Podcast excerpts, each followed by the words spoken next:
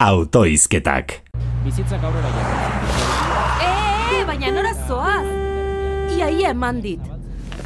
Lasai itziar. Hm? Presak ibiliko zen eta etzaitu atzerako ispilutik ikusi. Ai, bizitza hau.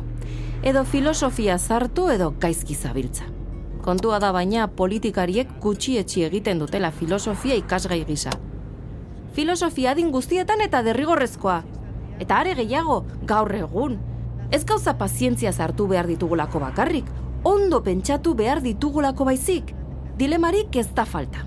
Ni lehengo egunean dilema bitxi batek katigatu ninduen. Hemen sortutako enpresa batek, lantegiak galdaka onduenak, armamentua saltzen dio Errusiari. Errusiarrak Ukrainia bomba sarraskitzen ari diren bitartean.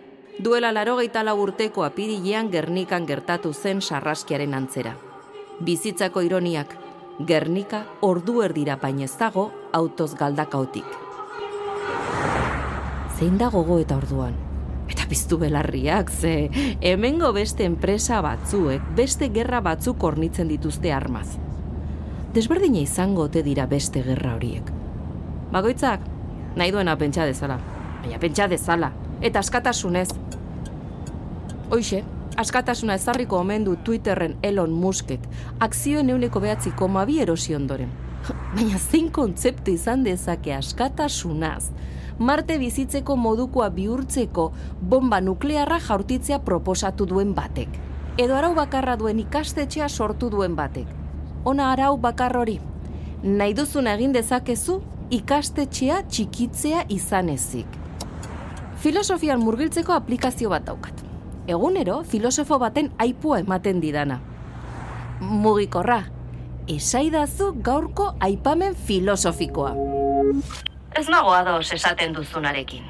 Baina nire bizitzarekin defendatuko dut hori adierazteko duzun eskubidea. Volter.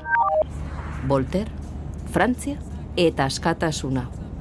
Ba, hautagaiak haien aldarrikapenak eta atzoko emaitzak ikusita, mm, agian pixka bat berrikusi beharko dute liberte delako hori.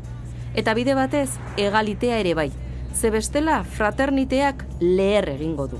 Eta adi, ze berrikuspena, ez lukete frantsese bakarrik egin beharko. Le whisky que je m'envoie, j'y pense et puis j'oublie. 500 millions de Sud-Américains, et moi, et moi, et moi. Je suis tout nu dans mon bain, avec une fille qui me nettoie. J'y pense et puis j'oublie. C'est la vie, c'est la vie. 50 millions de Vietnamiens. Et moi, et moi, et moi. Le dimanche à la chasse au lapin. Avec mon fusil, je suis le roi. J'y pense et puis j'oublie. C'est la vie, c'est la vie.